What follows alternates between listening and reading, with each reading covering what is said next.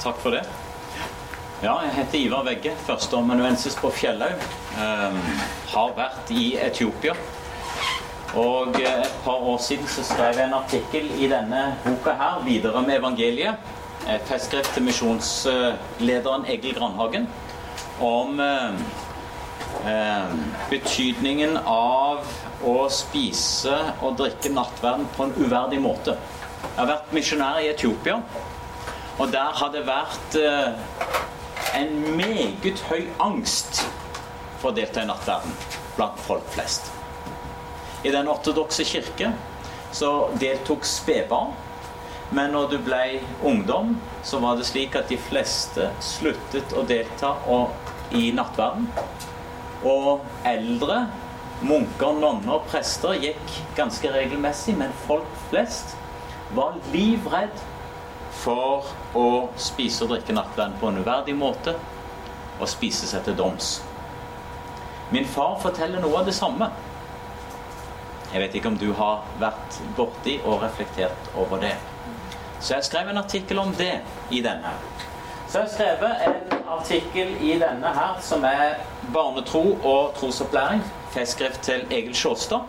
Jeg har tatt med meg noen eksemplarer av den, så det er mulig å kjøpe den hvis det noen ønsker det. Der har jeg skrevet artikkelen 'Hindre dem ikke' om, eh, om barn og nattverd. Eh, som denne forelesningen her bygger da på. Og Jeg starter med den teksten i første kor 11. Og Hvis det er vanskelig å lese, så må du bare flytte lenka fremover. Eh, teksten blir på den størrelsen i, i deler av dette her. Jeg bare beklager at jeg klør meg mye nå for tida. Jeg er så allergisk. Så det er mye pollen eh, rundt omkring. Ikke så mye her, men jeg sliter litt. Grann. Og så skal jeg ta med et lite sitat fra Calvin. Eh, som også har slått delvis igjennom i luthersk sammenheng tidligere. Eh, hvor Calvin sier 'Herren holder ikke frem nattverden for at alle skal delta i den', men bare de som er i stand til. Merk dere formuleringen. De som er i stand til. Og så sier han 'skjelne Herrens legeme og blod'. Og Det har vært tradisjonelt vanlig å snakke om skjelnealderen. Når barn kommer i en alder hvor de kan skjelne mellom vanlig mat og Herrens nattverd og Herrens nattverd. Dette her med å prøve sin egen samvittighet, forkynne Herrens død. Konfirmasjonen var jo på sett og vis en, en offentlig bekjennelse og kanskje de to leddene der med skjelne og det å forkynne Herrens død ble koblet sammen med nettopp det at nattverden kunne en tidligere først delta etter konfirmasjon. Og Det fånyttes å forvente dette hos små barn, sier Karlin. Så i Den reformerte kirke så er det i bekjennelsesskriftene at barn ikke kan delta i nattverden. Det har vi ikke i vår lutherske tradisjon. Men det er den teksten der i første kor 11 som har vært gjenstand og grunn til at barn har blitt hindret. Hvis jeg går til den ortodokse kirke, bl.a. f.eks. i Etiopia, hvor jeg har blitt både vokst opp som barn og arbeidet som misjonær, så har du en annen tanke om nattverden. Mer på linje med vår lutherske, at det er Kristus som faktisk bøyer seg ned til oss. Ikke vi som strekker oss opp til Kristus i nattverden men Kristus som bøyer seg ned og gir seg selv. Og så vektlegger den ortodokse kirke at det å prøve seg selv og det å akte på Herrens legeme, det gjelder for de som spiser og drikker på uverdig vis. Og Dermed så setter ikke de det opp som et krav om at du må kunne prøve deg selv. At krav om at du må kunne akte på Herrens legeme for å delta. For dette er noe som settes og skrives av Paulus til mennesker som har deltatt på en uverdig måte i den ortodokse tradisjonen. Og derfor har i den ortodokse tradisjonen nattverd blitt gitt til spedbarn. Knytta til dåpen. Rett i forlengelse av dåpen. Og det har faktisk vært en tradisjon også i den vestlige kirke fra 300-tallet helt frem til år 1000 ca.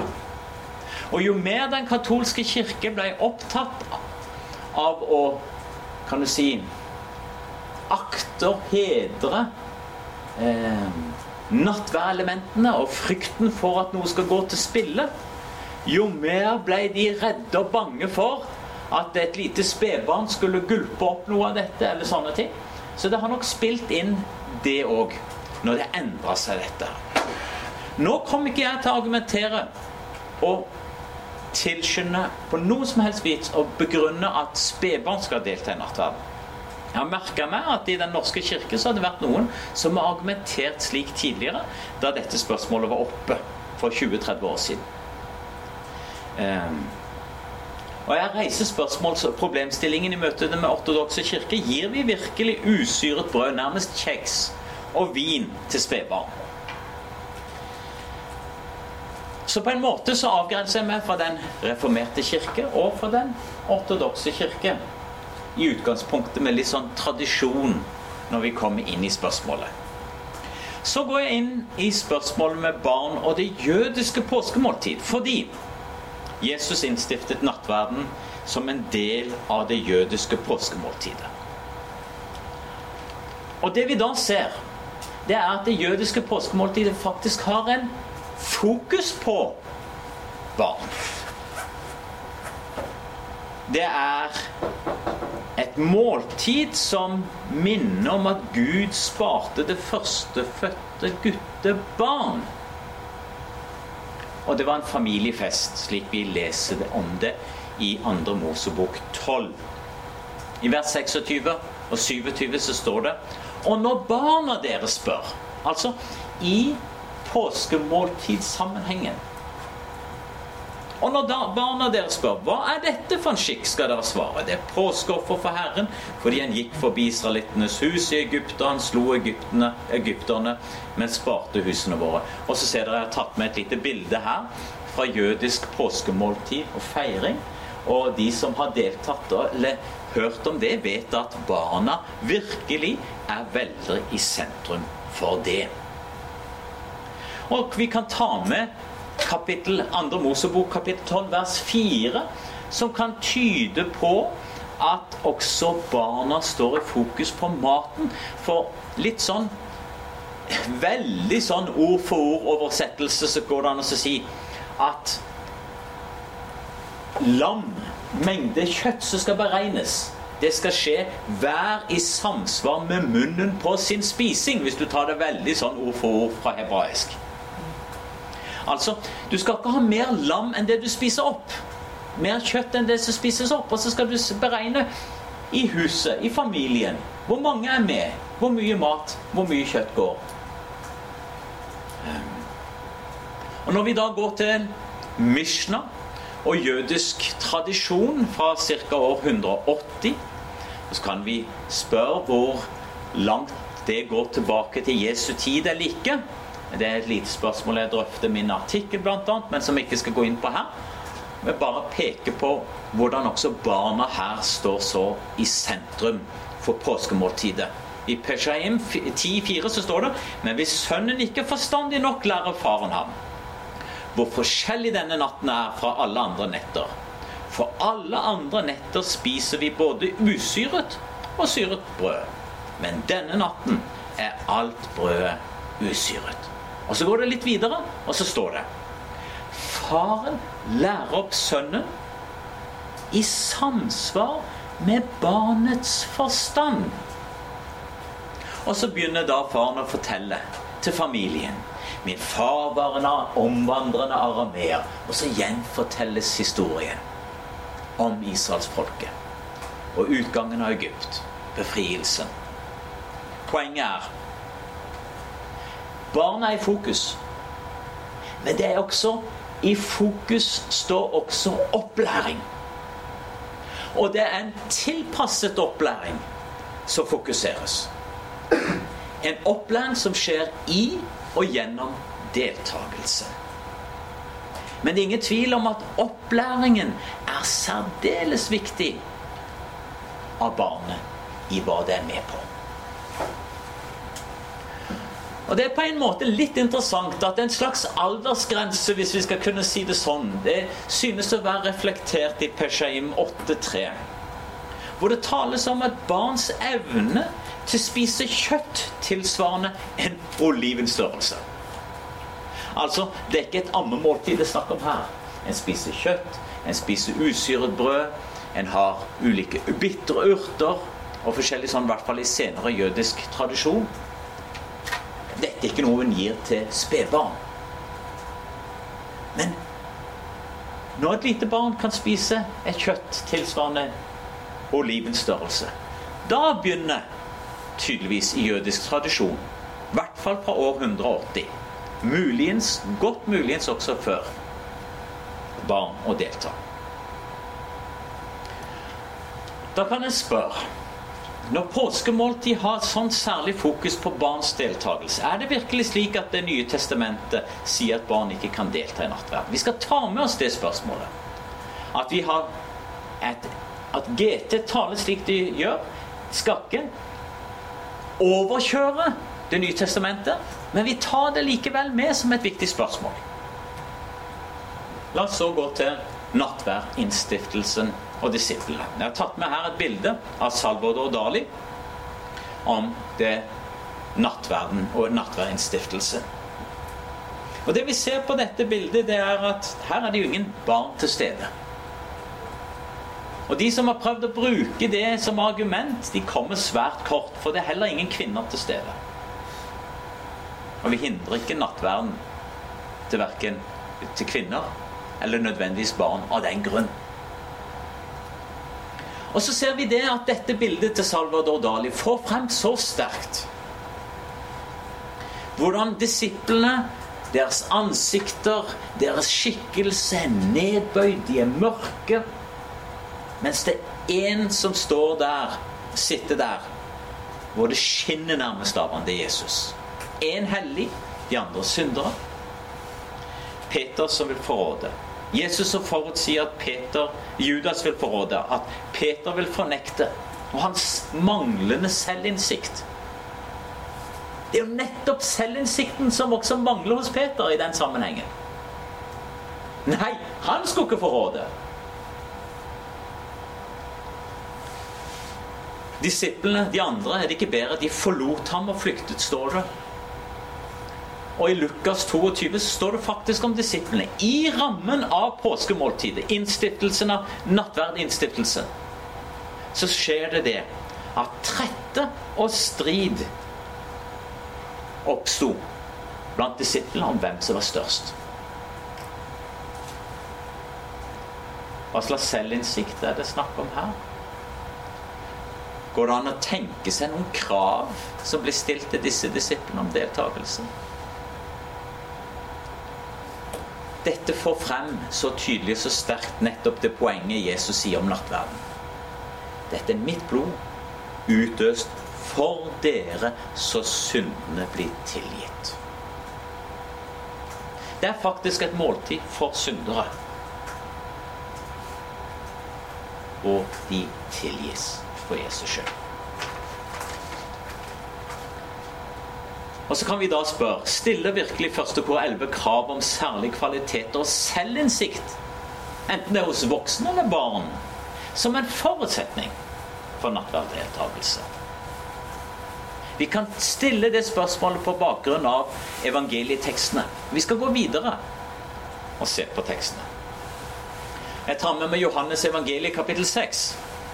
Nå er jeg fullt klar over det at noen tolker den teksten mer åndelig som om det ikke har med nattverd. Men jeg er ganske trygg på jeg, jeg, jeg, har et tydelig syn på at den teksten faktisk handler om nattverden. Like mye som Johannes kapittel 3, hvor det tales om at den som ikke blir eh, døpt Født. med vann og ånd, døpt med vann og ånd skal ikke komme inn i, Guds, i Guds rike. Eh, like tilsvarende mener jeg at når vi i vår lutherske tradisjon faktisk har lest Johannes 3 slik, så handler også Johannes 6 om nattverden. Selv om ikke Luther selv mente det. Jeg skriver litt om det i artikkelen, men jeg skal gå ikke inn på det her. Og Der står det dersom dere ikke eter menneskesønnen kjød eller kropp, og drikke hans blod, har dere ikke liv i dere. Og den som eter mitt kjøtt eller kropp og drikker mitt blod, har evig liv. Videre, den som eter mitt kjøtt, kropp og drikker mitt blod, han blir i meg og jeg i ham. Så tales det om å leve. Ete brød skal leve i evighet. En veldig vektlegging av det å spise og drikke. Og det har liv og livsfellesskap. Bli i meg og jeg i ham. Og i Altkirken så var faktisk denne teksten den viktigste nattverdteksten. Og den ble brukt til nettopp å vektlegge nattverdens nødvendighet. Og den ble talt om på en slik måte at den ble beskrevet som udødelighetens medisin. Og da brukes det et bilde, metafor. Du må ha den medisinen for å ha liv. Og med det så strammes teksten inn, mener jeg. På en uholdbar måte.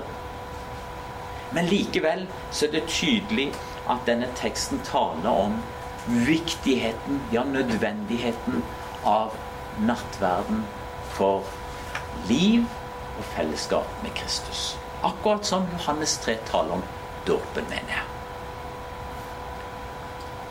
Og Derfor ble nattverden gitt til barn, spedbarn, i Oldkirken. Jeg mener denne teksten fortsatt har relevans for nattverdlæren og forståelsen av nattverden, men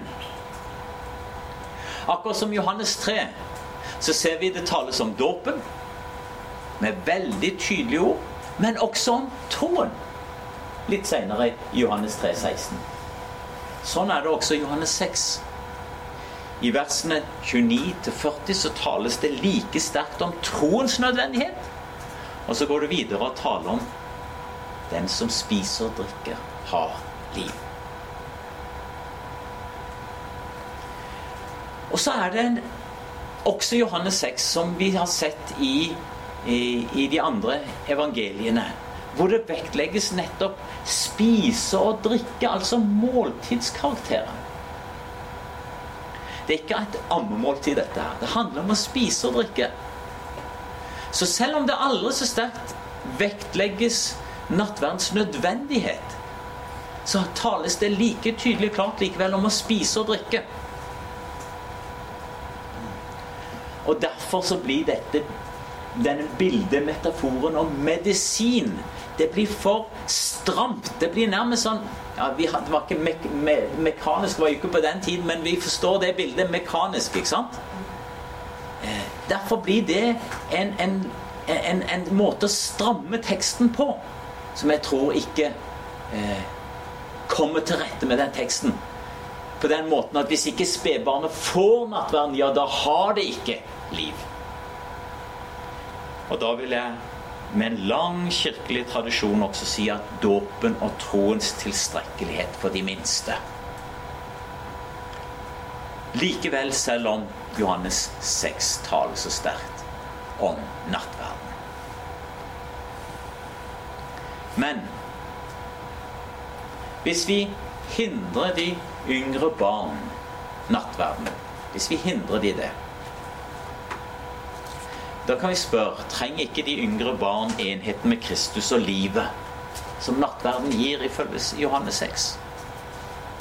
Er det bare når vi blir opp i en viss alder vi trenger det? Eh, det er, et spørsmål som jeg lar være ved. Så kommer jeg til første kor, kapittel 10, for også det er en tekst som taler om nattvær. Der har du en situasjon hvor tre elementer inngår. Det ene er det er jo denne overskriften kalles synd. Og det andre åndelig arroganse. Og det tredje er at dette er forenet med nattverden. Det er noen i Korint som mener å ha såkalt kunnskap kapittel 8, 1-6 hører vi om det. Og på grunnlag av en slik spesiell kunnskap, hvor de avviser avguders reelle eksistens, så sier de ja, men da kan jo like godt gå og delta i avgudstemplene og spise avgudsofferkjøtt. Selv om Det gamle testamentet har vært klinkende klart opp igjennom i samtlige, nesten samtlige tekstgrupper, så avvises avgudsdeltagelse. Så er det altså noen som sier her har vi fått mer kunnskap. Disse avgudene eksisterer ikke. Og så mener de å kunne delta. Og da sier Paulus kapittel 10, vers 21 og 22. Dere kan ikke drikke Herrens kalk og onde ånders kalk. Dere kan ikke ha del i Herrens spor og i onde ånders spor. Eller tør vi Hør, merk det nå. Eller tør vi egge Herren til nidkjærhet? Vi er vel ikke sterkere enn Han. Og der, det siste leddet, så ser vi hvordan den åndelige arrogansen bestrides av Paulus. Og Paulus stiller spørsmålstegn. Kan du virkelig ha en slik arrogant holdning?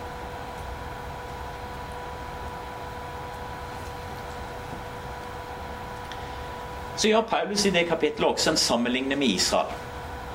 Og så sier han at Israel på en måte hadde en form for både dåp og nattvær. De gikk under skyen og gjennom havet. Brukes som bilder på dåpen. Og de spiste åndelig mat og åndelig drikk. Et bilde på nattverden. Og også Kristi nærvær i form av den åndelige klippen. Altså en sammenligning. Frelsesgavene, Guds nærvær, Kristi nærvær, var med Israel slik det er med oss, er poenget til Paulus. Men så sier da Paulus Likevel fant Gud ikke behag i de fleste av dem, for de ble slått ned i ørkenen. Og hvorfor det? Jo, avgudsdyrkelse og synd. Og så, merk dere, det å sette Kristus på prøve og knurring. Arroganse. Så finner han den koblingen med Israel som han mener å finne også i Korint. Synd koblet til åndelig arroganse og selvsikkerhet på egne vegne. Og deltakelse i nattverden. De tre går ikke sammen, sier Paulus. At vi kommer som syndere og får syndenes tilgivelse? Ja. Men ikke med en åndelig arroganse, slik det reflekteres verken med Israel eller med korinterne. La oss ta argumentasjonen, da. Problemet. Hva er problemet i kapittel 10? Jo, synd pluss en holdning av åndelig arroganse og selvsikkerhet forenes med nattverden. Det er problemet. Hva er løsningen, sier Paulus? Kapittel 10, vers 12. Derfor den som mener seg stå, å stå, han ser til at han ikke faller. Jeg taler til dere som til forstandige mennesker.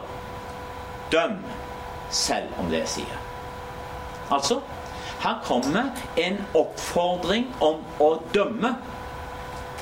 Og bedømme situasjonen og seg selv.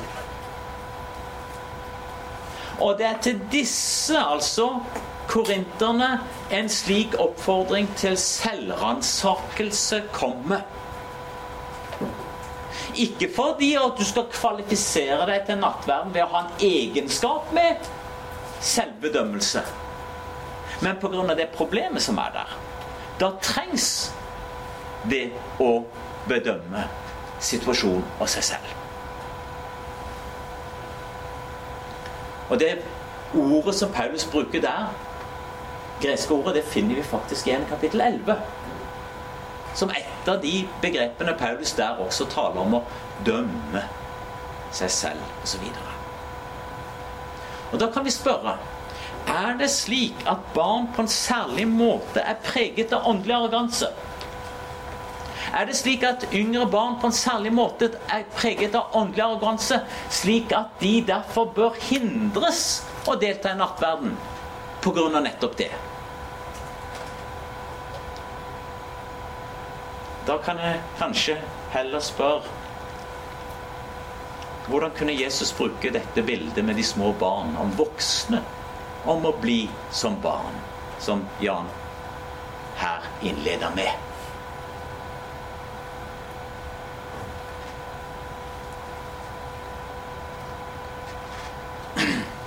Så tilbake til denne teksten i første kor 11. Disse elementene i denne teksten om nattverden, og nå skal vi lese den igjennom. Derfor den som eter brødet eller drikker Herrens kalk på uverdig vis, blir skyldig Herrens legeme og blod. La hvert menneske prøve seg selv, og så ete brød og drikke kalket. For den som eter og drikker, han eter og drikker seg selv til dom, dersom han ikke akter på Herrens legeme. Derfor er det mange svake og syke blant dere, og ikke få som sovner inn. Men dersom vi dømte oss selv, ble vi ikke dømt. Men når vi blir dømt, da er det Herren som refser oss, for at vi ikke kan bli fordømt sammen med verden. Det er noen veldig alvorlige ord her. Ytterste konsekvens å bli fordømt med verden. Svake, syke sovner inn død. Veldig konsekvenser. Og det er ikke rart at en virkelig kan kjenne på anfektelse i møte med denne teksten her. Og tankegangen langt på vei har vært å beskytte barna for en slik alvorlig konsekvens, når en tidligere ville vente med å gi nattverden til barna. Problemet er med den måten Calvin leser på, og den måten som en tidligere leste den teksten på, det var at de isolerte denne delen av teksten fra det som kommer før, og det som kommer etter. Hva er det som kommer da før?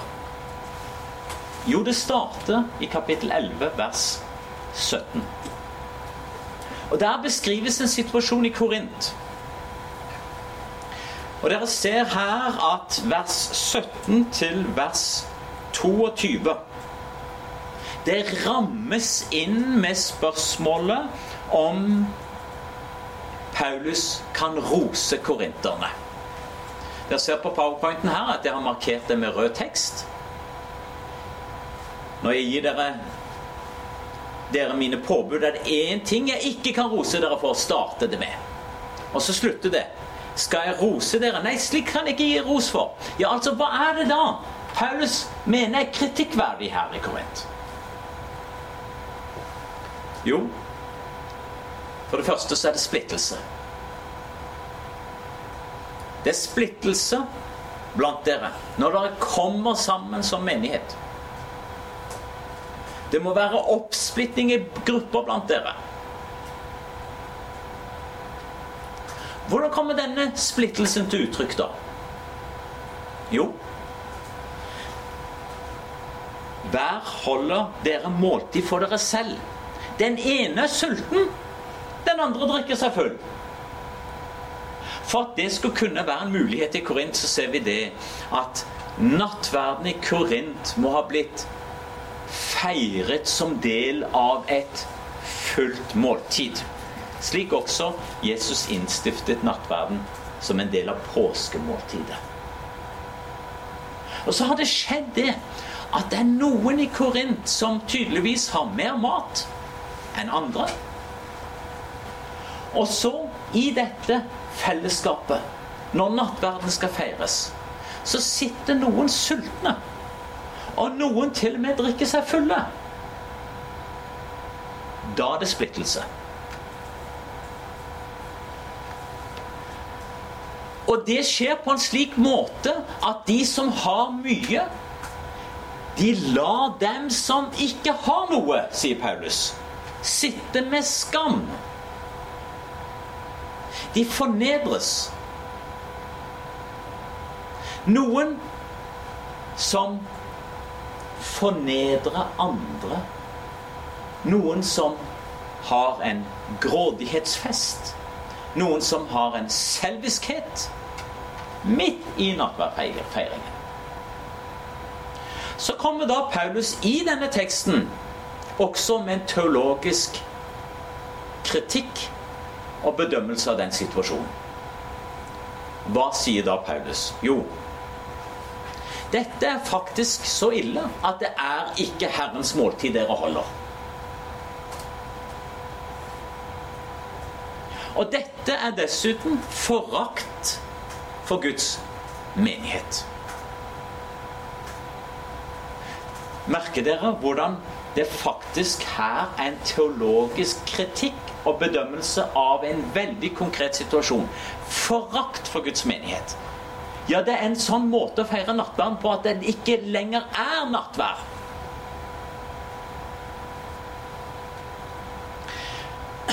Hvis dere har siste oversettelse fra Bibelselskapet, Bibelselskapet, så skal dere merke dere en liten ting. Vers 22 går umiddelbart videre uten å markere avsnittsovergang eh, med vers 23. Og dermed ser vi at spørsmålet Paulus slutter med i vers 22 Skal jeg rose dere? Nei, slikt kan jeg ikke ri ros. Og så begynner gjenfortellingen av nattverdtradisjonen. Altså, her er det en argumentasjon som kommer. Skal jeg rose dere? Nei. For. Merker dere det? Her kommer begrunnelsen. Altså, Det er ikke slik at Paulus bare tilfeldigvis nå går over Ja, nå la meg bare minne dere om hvordan det var Jesus innstiftet nattverden. Nei. Gjenfortellingen av nattverdinnstiftelsen gir begrunnelsen for hvorfor Paulus ikke vil rose dem. Og Nå skal vi se på hvordan argumentasjonen går. Altså fra vers 17 og utover til 22 hva er kritikken? Det er splittelser, og det er selviskhet. Noen drikker seg fulle, mens andre er sultne. Og det skjer på en sånn måte at du forakter de som ingenting har. Det er selviskhet, det er splittelse. Problemet. Skal jeg rose dere? Nei. Slikt vil jeg ikke rose. For jeg har mottatt fra Herren. Hva da? Hva er det med nattverdtradisjonen som så grunnleggende bryter med den praksis som skjer i Korint? Her ser dere jeg har brukt farger. Ser dere? Hva sies det om legemet? Det er legemet som er for dere. Hele nattverden handler om noe som er gjort for dere. Hva har korinterne gjort? De har gjort om nattverden noe til for meg. Noen av dem. På en slik måte at de forakter sine medkristne. Og så sies det om blodet. Det er den nye pakt i mitt blod. Hva handler pakt om? Pakt handler jo om fellesskap. Relasjon. Gud, menneske. Men også mellom mennesker, som er en del av pakten. Så nattverd, måltidet, handler om paktsfellesskap. Hva har skjedd i Korint? Splittelse. Det motsatte. Så nattverden grunnleggende sett handler om hva Kristus har gjort for oss, og at dette er et paktsfellesskap. Dette grunnleggende brytes ned i Korint med splittelse og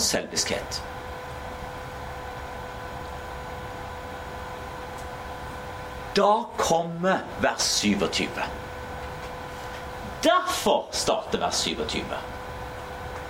Ser dere hvordan argumentasjonen går?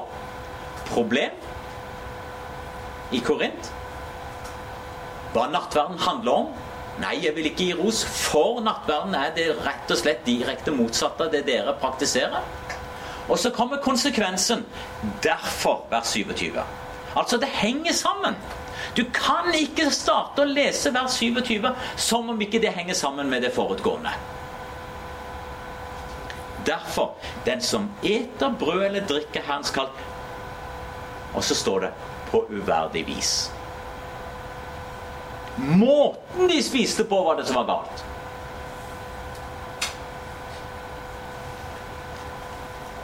I Etiopia, hvor jeg har vært som misjonær, så oversettes dette på uverdig vis med et adjektiv på amharisk. Og konsekvensene er dramatiske. I den etiopiske amariske bibelen som brukes av både ortodokse og evangeliske kristne i Etiopia, så oversettes det med at 'den som er uverdig å spise Herrens legeme og drikke Herrens kalk, blir skyldig'. Hvem av oss som sitter her, vil si at jeg er verdig? En forferdelig dramatisk konsekvens og folk er livredd for å delta i nattverden i Etiopia. Langt i den evangeliske kristne kirkene der så driver folk med ja, nesten askese i, forhold, i, i, i, forkant av nattverden. De passer på å gi tiende.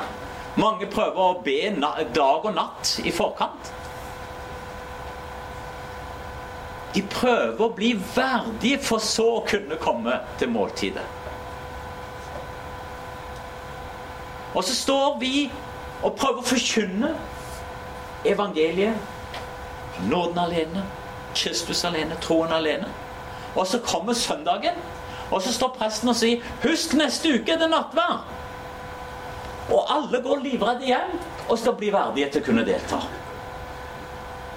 Og Så slår han beina under den evangeliske forkynnelse som vi har.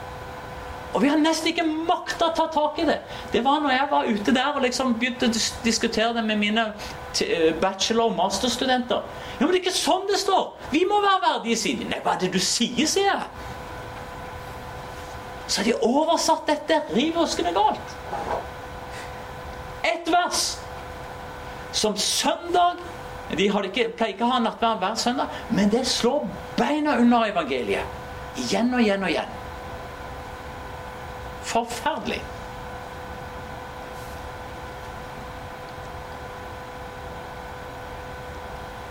Argumentasjonen, første kor 11.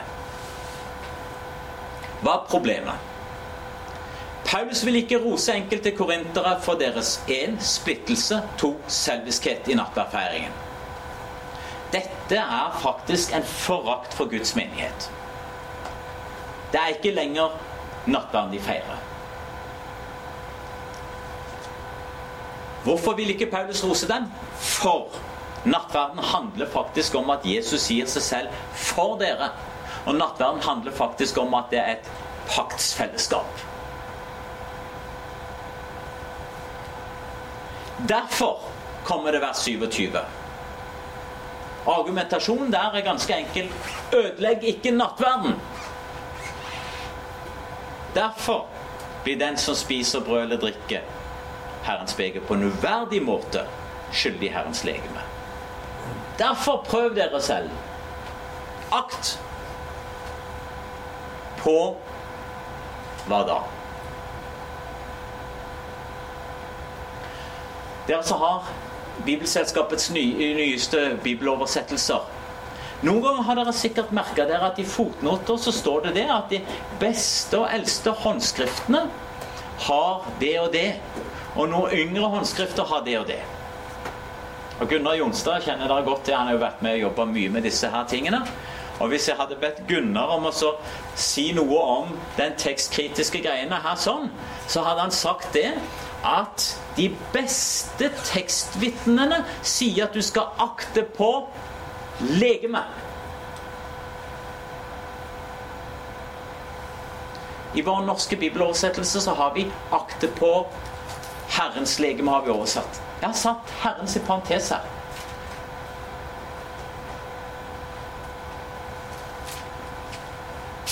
Og nå skal jeg ta og vise dere en viktig sammenheng. Hvorfor er det viktig å akte på legeme? Og hva slags legeme er det da viktig å akte på? I versene 17-22 så har Paulus diagnosert problemet i Korint. Hva er det problemet? De forakter Guds menighet. Derfor må de akte på hva da? Legeme. Og hva er legeme? Guds menighet. I kapittel 10 så taler Paulus også om nattverden. Vi har alle fått del i det ene legemet, brødet. Det brødet som gjør oss til et legeme. Der, der, spiller Paulus i nattverdteksten på ordet legeme, som brukes både om Herrens legeme, men også om menigheten som er Herrens legeme, når alle, vi alle får del i det ene brød. Og kapittel 12 etterpå så tales det også om legeme som menigheten. Og her, når Paulus diagnoserer problemet forakt for Guds menighet, så mener jeg ganske bestemt at behovet er å akte på legemet som menigheten. At den ikke ødelegger legemet, paktsfellesskapet, underminerer nattverdens innhold og gave. En ett til argument for det. Hvordan slutter teksten? I vers 33 og 34 oppsummerer Paulus hele argumentasjonen med en sluttformaning. Hva sier Paulus da? Derfor, mine søsken, når dere kommer sammen for å holde måltid Hva sier da? Han at vi må greie å skjelne på nattverd og annen mat. Siden at vi må være så så verdige selv. Siden at vi må Ja, hva vet jeg ikke alt vi har greid å finne på opp gjennom kirkens historie, skulle til å si. Paulus sier 'vent på hverandre'. Eller som en tysk professor Odfrid Hoffhus har oversatt dette her ønsk hverandre velkommen. Vent på hverandre, eller ønsk hverandre velkommen. Hvis noen er sulten for å spise i huset, så ikke sammenkomstene deres skal føre dom over dere. Hvordan unngår en dommen, som har vært omtalt gjennom hele denne teksten fra vers 27? Faren til å spise seg til doms. Hvordan unngår en den dommen? Ganske tydelig avslutningsvis. Vent på hverandre. Ønsker hverandre velkommen.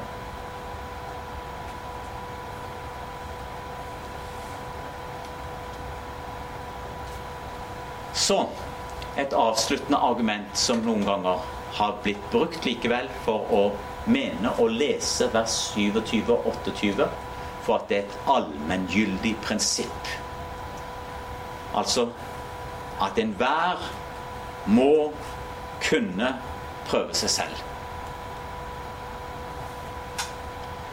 Og der 1930-oversettelsen oversettes vers 27. Derfor hver som eter brødet eller drikker Herrens kalk uverdig, han blir skyldig Herrens legeme og blod. Men hvert menneske ja, må prøve seg selv, osv. Og, og dermed så er det da vært argumentert og sagt at ja, faktisk så må du kunne prøve deg selv. Faktisk må du kunne skjelne. Ethvert menneske må det. Det er et allmenn liksom, Uavhengig av det, den situasjonen i Korint, så gjelder det. Og derfor skal ikke små barn ha del i nattverden. Da vil jeg gjøre dere oppmerksom på én ting. Den individualiseringen på et sett og vis som skjer, enhver som vi finner i vers 27-28, den har blitt den, har vi, den ser vi komme i vers 21. Hvor Paulus taler om at, skal, at der, eh, dere holder hver og en av dere måltid for dere selv, så sier han den ene er sulten, den andre drikker seg full. Og Hvis dere hadde lest gresk nå, så hadde dere sett det at det som oversettes i 1930 med 'vær som' hos an, det er ja, ikke helt identisk, men det er ikke langt ifra det som oversettes med 'den ene, den andre'. Og derfor så er jeg så mye mer glad i 19 eh, eh, 2011-oversettelsen med vers 27. Der står det 'Den som spiser brød eller drikker Herrens kalk på urett vis'. Og dette 'den' peker så mye tydeligere tilbake på den ene er sulten, men den andre drikker seg full. Og det er disse som drikker seg fulle, som forakter de som ingenting har. Det er der problemet er. Altså, det er enkeltgrupperinger, enkeltpersoner i Korint, som underminerer og ødelegger nattverdens innhold og karakter med den måten de deler nattverden på. Som gjør at det ikke lenger er Herrens måltid de spiser, som gjør at det er en forakt for Guds menighet. Og disse som, som her skjelnes fra hverandre i vers 21. Det er disse, den andre som drikker seg full, som vers 27 og 28 utover særlig rammer, og som sier den som spiser og drikker på uverdig vis, forgår seg derfor mot Herrens eget legeme og blod.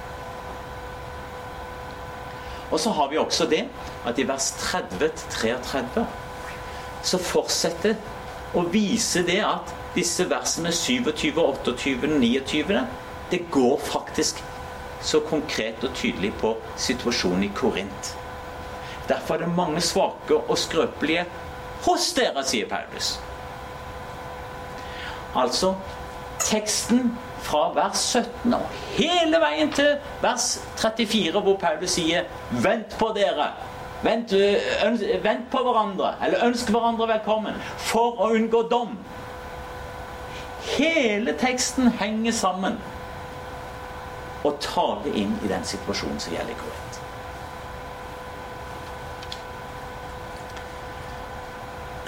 Så innbydelse til nattverden. Hvis jeg hadde vært Calvin så ville jeg tatt og kunne sagt som følger. Alle som er glad i Jesus og trenger Hans nåde og tilgivelse, er velkommen til nattverden. Men bare de som er i stand til å Hva da? Skjelne Herrens legeme og blod. Prøve sin egen samvittighet. Forkynne Herrens død. Bedømme dens kraft. Det var ikke så lite du måtte kunne greie, da. Er det ikke det?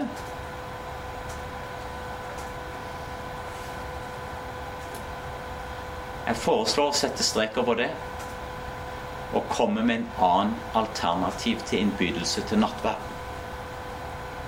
Og Da prøver jeg å fange opp alvoret i første kor kapittel 10, og også alvoret i første kor kapittel 11.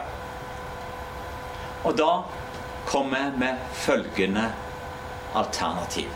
Guds ord advarer oss mot åndelig arroganse. Første kor 10 og trassig holde fast på synden som går på tvers av nattverdens innhold. Særlig kapittel 11. Men da ser dere at dette er en måte å formulere seg på som kan bli allmenn og ha en gyldighet på mange områder også. Men fange samtidig inn essensen i kapittel 10 og i kapittel 11. Da kalles vi til å prøve oss selv, for så å delta i Herrens nattverd. Altså den formaning til selvprøving på et slikt grunnlag. Med et slikt problem. Hvor ikke du må prøve deg selv og ha evnen til å prøve deg selv for å kvalifisere deg til å kunne delta i nettverden. Det er ikke din evne til å prøve deg selv som kvalifiserer deg. Nattverden er et nådemåltid. Men nattverd kan ikke kombineres med åndelig arroganse.